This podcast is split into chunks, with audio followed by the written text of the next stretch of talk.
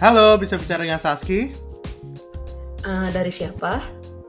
Uh, dari uh, ya pangeran yang sangat ganteng sekali. Oh maaf, uh, Neng Saskinya lagi ke Ciduk sama Satpol PP. Aduh, ke Ciduk lagi. Itu uh, udah berapa kali tuh ke Ciduk Satpol PP tuh? Duh, udah ke, lebih dari tangan saya nih jari saya udah gak hitung lagi mas. Iya sih, lagian suka uh, ngoperasi di jam-jam iya. uh, yang sibuk, yang jam-jam bahaya, banyak patroli. Gimana? Cari tambahan uang saku pak biasa itu dia kan suka belly dance, hobi, hobi sampingannya. Sayang kalau nggak disalurin katanya. Eh keciduk satpol pp Iya. Iya, sayang sekali. Ya udah deh kalau gitu saya telepon lagi ya nanti. Boleh Pak, ini saya Udah selesai podcast ya. Halo Sas, apa kabar? Baik, kakak. Baik-baik saja, lagi cuti ya nih? Iya nih, lagi cuti. Gue ngelaba abis libur panjang, ngambil cuti lagi dua hari. Tapi di rumah aja? Rumah aja, bingung mau ke mana juga, hujan becek, uh, becek gak ada ojek, ojek juga jadi ya aja. Mungkin gue pertama cerita dulu ya Saski ini siapa gitu. Ya uh, gue nggak tahu sih lo terkenal atau enggak Sas. Cuma kan emang listener dari podcast ini emang podcastnya kurang terkenal kan? Listenernya emang baru sedikit dan teman-teman doang. Mestinya sih teman-teman gue pada tahu lo lah ya. Itu kan mutual friendsnya banyak. Jadi Saski ini uh, teman dari zaman kita kuliah dulu, uh, kuliah S1. Terus kita sejurusan sampai tingkat ya sampai lulus lah ya. Tapi kita baru kenal tingkat dua loh, karena kan gua kita beda kelas waktu TPB. Iya iya. Lo inget gak dulu kita gimana kenalan waktu TPB? Lupa, lupa banget lah.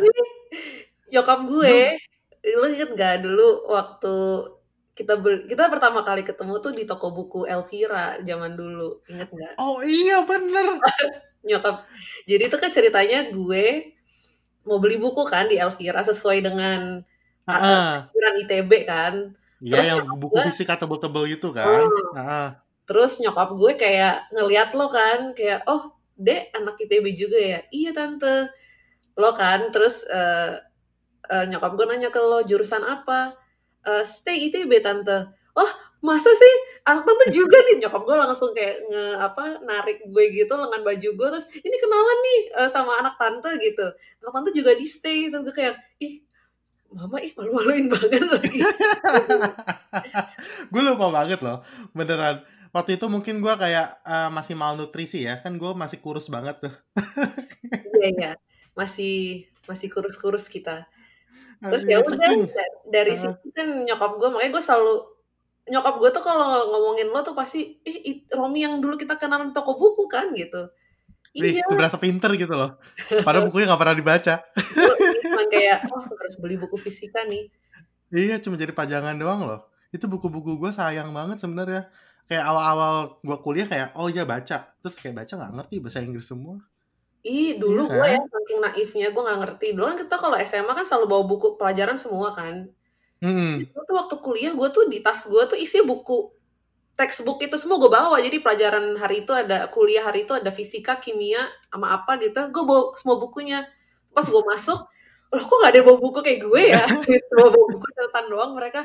Ah, gue bego banget berarti. Ya iya lah ya, siapa mau bawa empat jilid buku gede gini gitu. Iya, orang bukunya kayak apa Princeton's Hall itu kan yang kayak hmm. siapa apa sih penulisnya Press gue lupa uh, bahkan yang fisika merah aja. Iya iya. Kalau buku Alkulus tuh yang apa Duomo Milan itu ya. iya, uh, benar. Wah, oh Purcell, Purcell. Purcell, Purcell. Iya. Uh, ya begitulah uh, perkenalan kita. Terus uh, Saski sekarang lo di mana Sas? Gue di kondisinya. Uh, mungkin diceritakan lo sedang sibuk apa gitu. Banyak kan sekarang press conference gitu loh, Sas. Kayak, oh iya nih gue nih single available, ready to mingle, gue di Texas gitu-gitu dong. Itu iya. Uh, ini kayak, kayak Miss Universe kali ya. Sas iya. ya, uh, 30 tahun Jakarta. Tadi tinggal di Texas. Texas Fried Chicken ya? Banget. Di sini ada loh, tuh emang Texas Oh Fried ya? Chicken tuh emang dari sini, tapi di sini namanya Church, Church Fried Chicken. Oh. Logonya sama persis, Rom. Gue sampai yang, loh, tuh kayaknya logonya agak familiar ya gitu. Terus pas gue liat, ih itu kan Texas Fried Chicken banget logonya.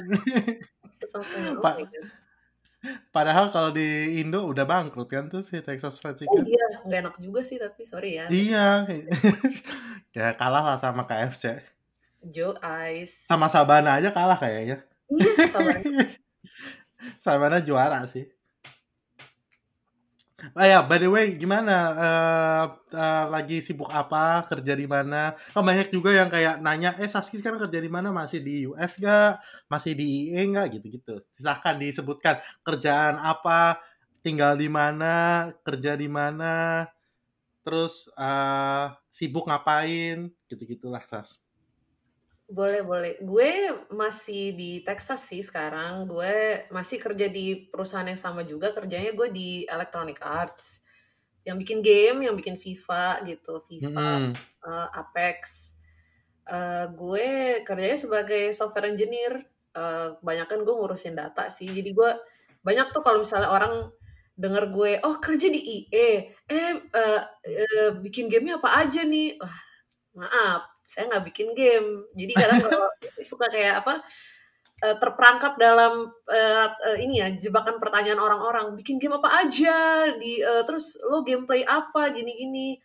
Eh, ya, saya kerja di bagian data aja teman-teman, jadi nggak bikin game ya, nggak nggak nggak kayak eh, produksi game gitu, nggak di studio. Jadi cuman ngurusin datanya aja gitu. Iya, software-software ya pada software-software enterprise kali ya. Iya mirip-mirip kayak gitu. Cuman eh, kalau tim gue emang kita in-house kebanyakan kerjaan gue. Eh, ada yang kayak eh, di atas gue mereka ada yang ngurusin eh, enterprise eh, solution misalnya kayak pakai Tableau atau pakai apa tuh Mm-mm. Itulah software-software yang udah jadi lah gitu. Ada yang kayak gitu. Tapi kalau tim gue kita kebanyakan ngurusnya in-house product. Jadi eh, data crunching kita terus eh, apa da- data visualization juga kita bikin sendiri kayak gitu-gitu sih. Ah, oke. Udah berapa lama Sas di US? Gue udah dari tahun 2013, berarti udah tujuh tahun lah ya di sini berarti. Wih, lama banget ya. Tapi itu awalnya kuliah kan? Gue oleh kuliah. Sebenarnya gue enam tahun sih di US kalau mau dihitung secara fair ya. Soalnya gue setahun yang lagi kan sempat pindah ke Kanada tuh, setahun di Kanada. Oh ya. Ih, ya kan. Jadi ya, ya di Amerika Utara gue udah tujuh tahun lah, tapi di physically di US gue enam tahun kira-kira. Mm. Nah, lo memulainya kan dari American Dream waktu itu. Dulu kan lo suka ngeblok ya? Gue gak tau lo pasti suka ngeblok gak sih? Sekarang masih suka sih, tapi kalau ada ide aja, soalnya gue kayak Nah, ya nulis apa ya, apalagi pandemik gini kan, masa gue nulis, aduh, dear diary, aku hari ini bangun, bangun makan ini, makan, eh, bikin Indomie, bikin teh gitu-gitu tiap tiap hari sama aja gitu. Cuma rasa Iya. Indomie aja mungkin beda. Iya. Kalau dia diary. Aduh, tapi ya eh, eh, dulu kan suka ngeblog. Memulai dari eh, American Dream nih. Waktu zaman dulu lu bikin post blog eh, American Dream kan, yang kayak lo emang dari dulu pengen kuliah di US setelah S1. Nah, lo kuliah apa dan jurusan eh kuliah apa di mana eh, terus gimana pengalaman kuliah di US tuh waktu itu? Eh, jadi sebenarnya gue tuh bukan gue sih yang kepengen kuliah di luar negeri dari zaman dulu. Jadi sebenarnya tuh dulu nyokap gue yang ambisi gitu. Terus gue tuh Hmm. anaknya kayak apa ya? Gue tuh kanvas kosong. Bahkan gue masuk ITB itu juga bukan gue yang mau masuk ITB gitu. Gue tuh dulu ini sedikit backtrack sedikit ya. Jadi Hmm. orang agak tahu gitu. Nih gue juga nggak nggak nggak nggak rencanain juga nih gue tinggal di sini segala macem. Itu gue nggak rencanain meticulously lah gitu. Jadi pokoknya intinya nyokap gue yang ambi gitu. Wah, harus kuliah luar negeri ya gitu. Awalnya masih nggak terlalu ambil lah, maksudnya di Singapura aja gitu deket kan. Terus Hmm. kenapa suatu kayak pas gue di tingkat tiga nyokap gue bilang, kamu kuliah di Amerika ya ntar S2. Hah jauh amat kan gitu. Gue kayak yang ah eh, agak agak agak ragu juga kan gitu. Dan juga waktu itu kan Anak gadis yang satu ini gitu kan? iya, kan kayak hah gimana? Masa ke Amrik jauh banget udah gitu kan waktu itu uh, aku kan juga ini ya ada uh, kekasih gitu jadi kan aku juga Ah, ada ah, ragu yang itu. hmm, Itu obrolannya panjang lah gitu ntar. iya, iya. bisa di novel Iya. akhirnya nyokap gue uh, akhirnya ya intinya sebenarnya nyokap gue yang kepengen lah gitu gue kuliah di luar negeri terus ya udah akhirnya tingkat 4 gue abis putus tuh kan abis putus tuh gue kayak ya udah astronot itu ya? iya Ups. Hah? pokoknya gue abis putus itu gue kayak yang ah ya udahlah gitu mau apa yang bisa gue lose kan gitu what nothing tulus gitu gue istilahnya udahlah gue coba-coba aja gitu kuliah di Amrik awalnya gue ambi kayak yang ah gue mau masuk Harvard ah biar keren gitu kan Hmm, gue lihat uang ininya uang masuknya mahal banget ya. mahal banget kayak aku gak bisa deh ini nggak sih Akhirnya aku maksudnya uang sekolahnya aja mahal belum uang hidupnya kan Tinggal. ah, ah. Tapi emang sih kalau kuliah yang kayak Ivy League dan yang yang keren-keren di US itu, lo nggak cuma cukup pinter doang sih. Lo juga harus punya modal. Iya, dan dan apa ya, gue kalau ngelihat eh gue nggak bayangin juga sih sekarang retrospek gitu ya. Kalau misal gue dulu kuliah di Harvard, kayak gue nggak bisa deh bersaing sama anak-anak ambisius lain yang, iya profesor saya mau jawab pertanyaan tapi masih, hah kita mah udah belajar itu gimana nih gitu. Tapi yang menangis dalam hati gitu kan. Anak ambis ya kali kalau keterima di Harvard gitu kan. Iya. Terus gue ya, Tapi tapi untung sih sekarang kayak banyak beasiswa-beasiswa gitu kan. Tapi zaman lo kok awal kuliah kan LPDP belum keluar tuh. belum Seingat gue. iya Atau baru baru keluar justru. Pokoknya zaman Niki itu inget banget gue, Niki ditawarin sama Pak Endro. Kayak eh mau nggak eh, kamu daftar LPDP dan itu masih belum eh, keluar formal gitu. Dan Niki itu setahun sebelum lo atau berapa bulan sebelum lo kan? Kayaknya iya agak mungkin kalau tahun ajaran duluan Niki dulu sih mulai terus gue Mm-mm.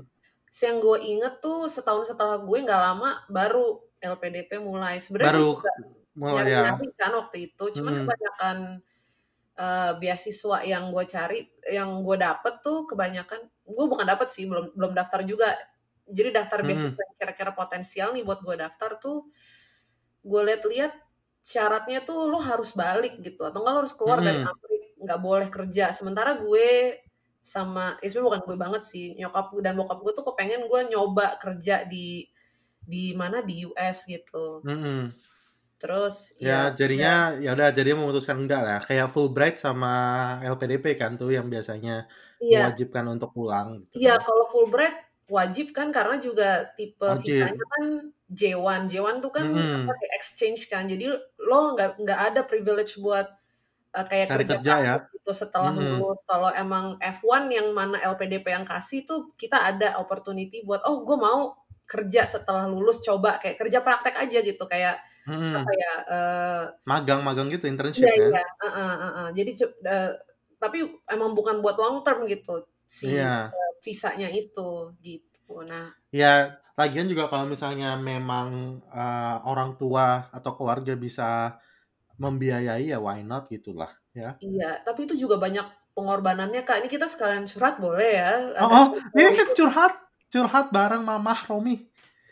mah curhat mah sebenarnya tuh keluarga gue juga banyak berkorban sih. Kita mau sekolahin gue ke Amrik tuh ya apa usaha keluarga ya gitu. Bokap gue waktu gue SMA tuh karena tahu eh, apa antisipasi lah takutnya kita nggak dapat scholarship yang bisa biayain gue ke Amrik dan mengizinkan gue buat kerja akhirnya bokap gue kayak inisiatif sama nyokap "Ya, kita papa, papa pindah kerja deh gitu. Dulu kan bokap gue kerja di Indonesia kan terus akhirnya Hmm. pindah ke luar negeri gitu.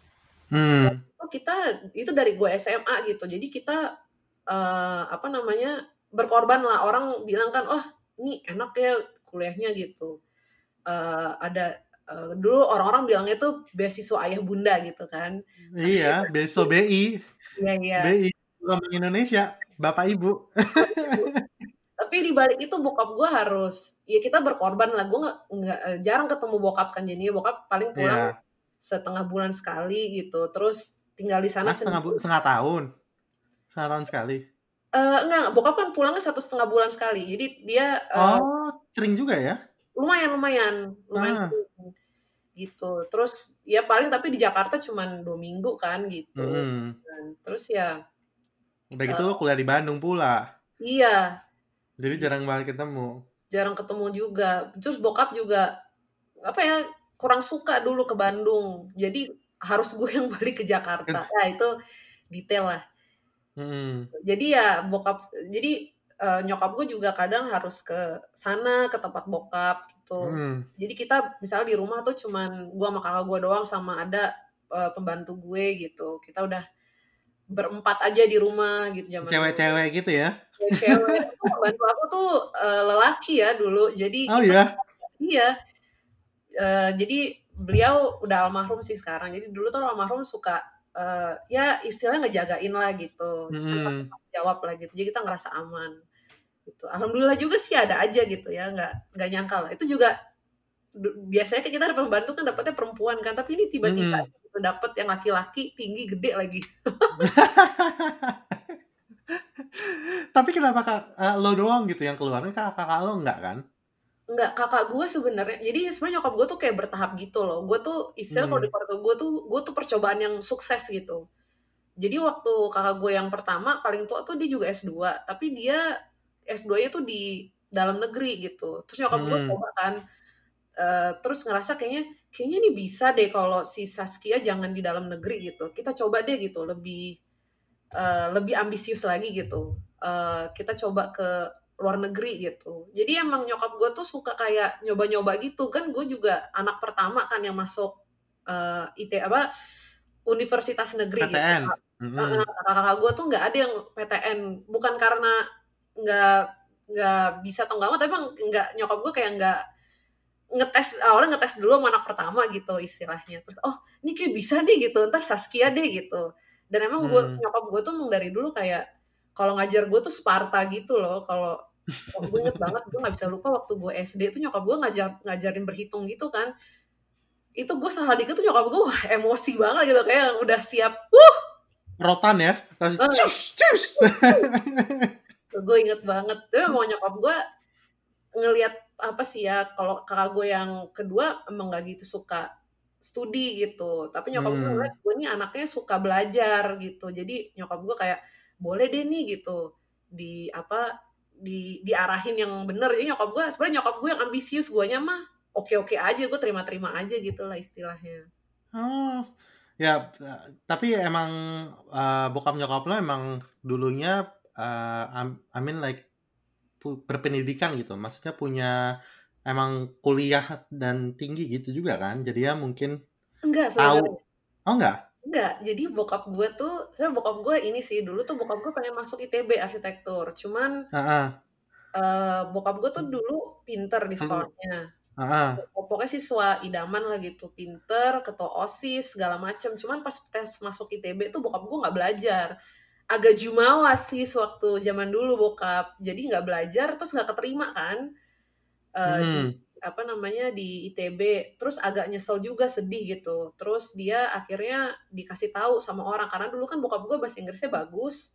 Hmm, akhirnya dibilang sama orang udah kamu daftar Garuda aja jadi pilot gitu. Hmm, terus bokap gue tes masuk jadi pilot. Nah kalau nyokap gue tuh nggak sekolah eh, nggak sekolah tinggi. Jadi SMA udah kelar terus nyokap eh, ke mana kerja di Jakarta jadi pramugari nah ketemu bokap oh, yang itu sama. ceritanya, pilot yang pramugari, Iya. cinta pesawat ya, lagi di pesawat tuh kayak eh, tatapan pertama sungguh meyakinkan. Iya, ini Selanjutnya terserah Anda.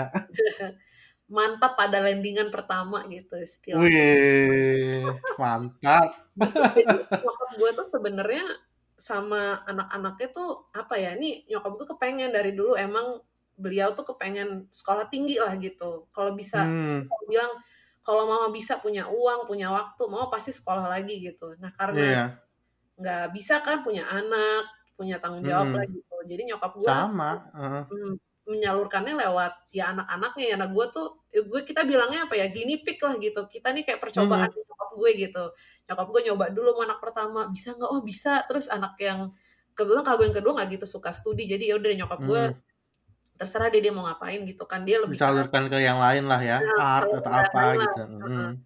pas gue nih dia ngeliat oh suka belajar ya ya udah dia boleh gitu. Nah, iya sama. Gue juga gitu. Nah tapi kalau uh, bonyok gue lebih bebas lagi karena uh, dua-duanya memang nggak nggak kuliah juga enggak gitu. Uh, bahkan juga dari kota kecil dan emang langsung kerja dan segala macam jadi nggak uh, nggak punya ide sama sekali tentang kuliah tinggi gitu loh. Iya iya. Uh, terus gue ini juga jadi ya gue dan kakak dan adik gue ya udah kita ya sekolah nah tapi mereka ber- berdua pengen banget anak-anaknya sekolah tinggi at least S1 gitu. Terus ya Iya, udah akhirnya ya udah kita coba-coba segala macam dan emang kita selalu disekolahin di sekolah yang mereka juga berusaha untuk kayak biayain di sekolah yang bagus gitu. Terus uh, ya udah tapi terserah setelah itu ya terserah kita. Kayak di sekolah itu kayak gue kayak hampir nggak pernah disuruh kayak ngerjain PR, hampir nggak pernah disuruh belajar. Kayak misalnya kalau gue mau les, kayak les bahasa Inggris atau les apa yang lainnya gitu untuk SPMB gitu ya, inten waktu itu gue, itu gue yang minta gitu, bukan nggak ada tuh ide dari orang tua. Makanya gue nggak bisa main alat musik karena orang tua gue bandingin sama teman-teman gue yang bisa main piano gitu ya. Kan Hmm. mereka orang tuanya kayak nge-push banget dari zaman SD gitu ya. Eh lo uh, belajar piano dilesin piano dilesin uh, kumon lah atau dilesin macam-macam gitu kan bahasa Inggris. Nah gue itu nggak ada sama sekali. Jadi kalau gue baru les itu SMP ini kayaknya. Bahasa Inggris itu pun karena gue minta. Jadi kakak gue itu kakak gue lebih pasif karena kakak gue lebih pasif jadi dia nggak minta apa-apa. Jadi ya udah nggak nggak dia nggak ada les gitu. Kayaknya dia waktu itu pernah les up piano kayaknya waktu itu tapi dia juga yang minta gitu. Adik gue uh, karena gue udah ada be- bench ada benchmarknya gue adik gue bisa minta lebih gampang gitu. Karena ya udah karena gue dikasih ya adik gue pasti dikasih juga gitu. Ah, iya, iya. gitu. Jadi ya beginilah nasib nasibnya uh, kita Iya iya. Nyokap gue juga waktu gue di ITB kayak eh gue juga sebenarnya waktu siapin persiapan masuk ITB itu gue juga di Inten kan. Itu juga Mm-mm. awalnya kita kan nggak tahu ya masuk mana yang bagus ya gitu. Itu gue dikasih Mm-mm. tahu sama temennya bokap gue. Itu juga nyokap gue kayak nggak sengaja gitu loh ketemu. Gue tadi mau daftar BT BTA 70 kan, dia kan terkenal. Mm. Terus kata bapak-bapak itu yang anaknya juga 70, Bu, daftar Inten juga aja. Itu juga katanya manjur anak-anak masuk ITB. Ya, nyokap gue kayak, oh iya gitu. Ya udah deh kita ke Inten. gitu.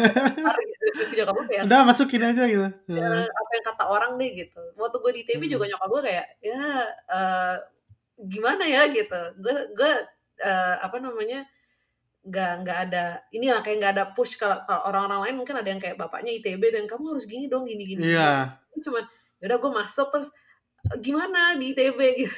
iya iya ya masalahnya ya mereka juga nggak punya experience kuliah gitu kan apalagi Iya, kuliah uh, specifically kuliah di PTN dan specifically lagi kuliah di ITB gitu jadi kalau Iya. nanya kita mau nanya juga ya mungkin nggak ku- kurang re- relatable lah buat mereka gitu Iya iya benar-benar. Nah, tapi habis itu, habis dari eh, ini ya satu nih udah nih selesai. Terus lo eh, mau S2 nih kan ceritanya. Terus orang tua lo kayak, oh ya nih kuliah di US. Nah, lo daftar nih akhirnya kan. Gak Heeh. jadi Harvard, tapi jadinya eh, kampus yang satu ini nih. Namanya apa? Eh, CMU Carnegie Mellon University. Mm-mm. Nah, itu buat yang nggak tahu nih ya. Ini sebenarnya universitasnya terkenal. Cuma banyak teman-teman gue yang non computer science itu kayak tahu tapi nggak tahu sebagus itu ternyata si CMU. Ah, CMU ini luma sangat bagus untuk ah, computer science ya. Kayak peringkat dua ya, atau peringkat satu malahan gue lupa deh. Waktu zaman gue sih peringkat satu ya, gitu. tapi Mm. sekarang nggak tahu sih. Dia saingannya sama MIT, setahu gue MIT sama. Stanford gitu. Tapi computer science-nya aja. Kalau departemen lain Iya. entahlah gitu. nah ini lo di CMU kan dan CMU di Pittsburgh. Pittsburgh. Iya. Nah, lo ngambil apa? Gue ngambilnya ini eh, Information Systems Management. Iya, gue inget sih, gue soalnya mau apply di situ juga, MISM. Joey. Heeh. saya waktu itu gue mau apply, terus eh, kan gue tes tes juga kan, waktu itu gue mau emang S2 di luar, terus eh, gue juga apply karena gue gua tahu lo, terus lo kayak happy dengan programnya dan lo bilang kayak, oh iya nih, eh gue belajar banget ngoding di sini gitu kan. Iya, dan lo jadi suka ngoding kan. Gue jadi kayak oh ya coba deh gue uh, daftar ke sini. Tapi ribet banget sas uh, prosesnya. Buku seru bikin video sas iya kan? Iya, iya. Gue bikin loh, gue kayak hah bikin video? Gue ngomong apa nih? Mampus gitu kan. Terus harus pakai uh, GRE nah Iya. GRE gue itu gue persiapan tapi ya nggak maksimal karena gue kan sambil kerja ya Mm. jadi gue paling jari itu kayak ngafalin uh, cue card waktu misalnya di WC gitu atau Nah, jam-jam kosong lagi pulang kantor naik bus uh, kontas bima tuh gue masih kontas bima kadang-kadang tuh ya. Wah, di bus gitu gue kayak baca uh, cue card gitu. Nah hasilnya emang nggak maksimal. Jadi karena hasilnya nggak maksimal gue merasa kayak kayak gue nggak bakal masuk deh. Uh, takut cuma kayak buang-buang duit doang buat application fee kan iya, iya. jadinya akhirnya gue memutuskan nggak daftar. Terus gue jadinya daftarnya cuma NYU waktu itu keterima sih gue di NYU Iya, iya. program yang urban informatics itu. Tapi ya sayang sekali negara tidak mau membiayai saya untuk sekolah di sana. Saya kan nggak mampu ya untuk membiayai diri saya sendiri nih. Jadi Iya. waktu itu daftar LPDP nggak keterima uh, untuk uh, NYU gitu. Jadinya ya udahlah American Dream gone gitu kan. Uh, jadi gue uh, dan kebetulan banget pas banget emang rezekinya di Belanda gue keterima beasiswa lain sih di Belanda gitu. Kalau lo berarti jurusan MSM ini? Iya, iya. Nah, terus belajar apa sih? Ini itu under computer science atau enggak sih? Eh, kalau gue jurusan gue itu nggak nggak under computer science. Jadi kita tuh di bawah policy sebenarnya. Jadi ada eh, fakultas yang ngurusin policy gitu. Kayak misalnya lo mau jadi politisi mau jadi kayak mayor gitu ya pokoknya negarawan lah gitu. Itu eh, jurusannya ada. Itu kayak sister program gue lah gitu. Dari policy itu Hmm. dia kayak beranak jadi ada buat kayak buat policy buat bukan policy sih apa ya kayak manajemen sistem informasi gitu. Isi kuliah tuh mirip-mirip sama kita dulu waktu S1 Rom waktu kita di STI SI hmm. iya yang yang kayak uh, mau IF tapi nggak mau gitu. Iya yang kayak penting lulusan ITB yang ah ini computer science bukan belajarnya apa ya? Bingung juga agak agak nyerempet-nyerempet gitu. Hmm. tapi gue lebih banyak ngambil waktu itu kan kita elektifnya kayak boleh ngambil kuliah lain kan gitu. Gue tuh kebanyakan elektif gue tuh ngambilnya ngoding gitu. Dan jadinya Hmm. gue eh, ilmu gue yang kayak eh, manajemen informasi sistem informasi sendiri tuh gue nggak nempel di otak gue sama sekali yang nempel ya mungkin juga karena gue bias juga gue kan udah kerja sekarang kan Hmm. gue lebih nempelnya tuh ya eh, eh, codingnya ini gitu Iya, padahal dulu S1 ya. Kan kita emang sengaja milih STI karena kita menghindari untuk coding terlalu banyak, iya kan? Eyes Nah, terus kayak beda banget nih, tiba-tiba kayak lo jadi suka banget sama ngoding. Bedanya itu apa sih, Sas? Antara kuliah di Indo dan kuliah di Amrik?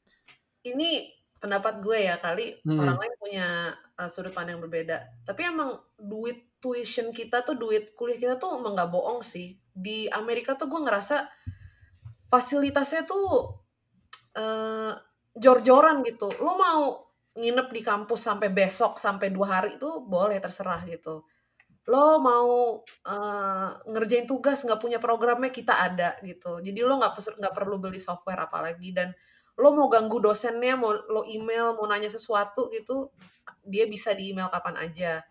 Dia ada Hmm. kayak teaching assistantnya juga kan gitu. Jadi emang dan dosennya tuh ngajar dari dari bawah gitu. Dari basicsnya dulu diajarin eh, terus lo ngerti nggak? Dan eh, kita dibantunya sama assignments gitu. Jadi setelah kita kuliah kita dikasih PR yang yang berhubungan sama apa yang tadi si profesornya ajarin gitu. Jadi itu kayak apa ya kayak feedback loop gitulah gitu. Jadi kita Hmm. ajarin eh, dapat soal ngerti nggak? Nggak ngerti ke ke teaching assistantnya nanya gitu. Eh eh, kak ini gimana ya? gitu. Tapi dijelasin oh ya ngerti gitu. Jadi ya ada feedback loopnya gitu lah gitu terus terus Banyak lab lah ya, iya iya jadi banyak labnya.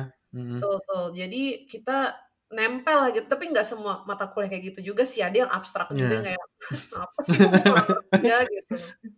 Iya, bener sih. Gue juga ngerasa waktu kuliah yang S2 ini juga jadi uh, lebih ngerti karena banyak labnya, banyak assignment. Iya, Terus iya. uh, assignmentnya itu lebih guided sih, lebih diarahkan gitu dibanding waktu kita S1. S1 kan kita, gue inget banget sih assignment kita paling lab apa sih PTI, uh, Alstruk.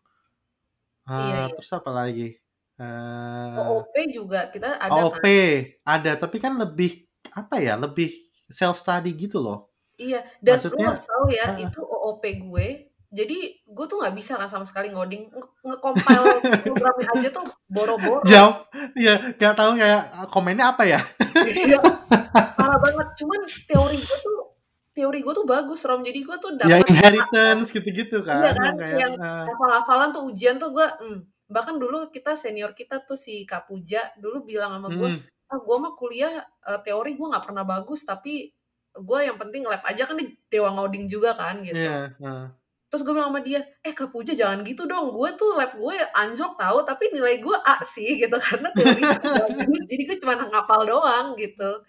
Jadi tuh di ITB dulu cuman ah ya hafal doang ujian bagus gitu. Tapi conceptually tuh oh nggak ngerti apa gitu. Aku di mana nih apa gitu kan. Jadi ya. tapi emang iya sih, gue jadi ngerasa zaman dulu ya karena self study jadi beneran kayak uh, terserah lo yang pinter ya jadi pinter banget, yang niat memang jadi pinter banget. Kayak teman-teman kita banyak juga loh yang kayak awalnya nggak bisa ngoding sama sekali, atau misalnya emang bukan anak toki lah ya, biasa aja gitu. Kayak awalnya hmm. juga kanvas blank kayak kita, terus pas masuk jadi kayak luar biasa gitu.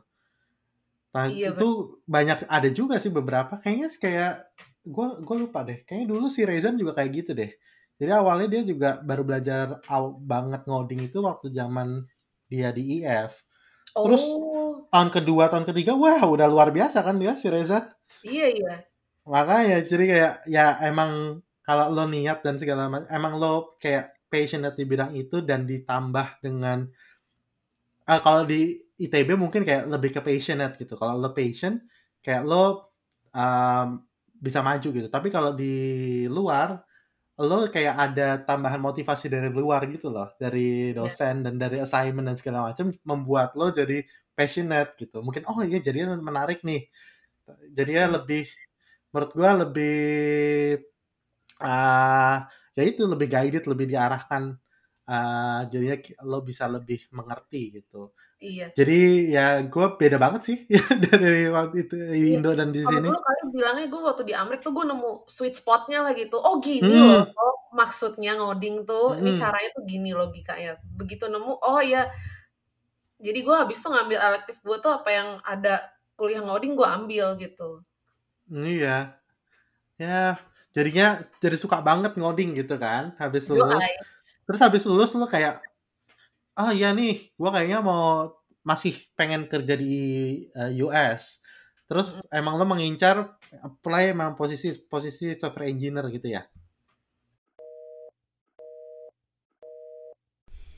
Penasaran gimana ceritanya Sasuke apply kerja jadi software engineer di US? Dan gimana pengalaman kerjanya dia sebagai software engineer di tempat kerja dia sekarang? Pantengin terus ya podcast bersama Sasuke di episode selanjutnya. Dah!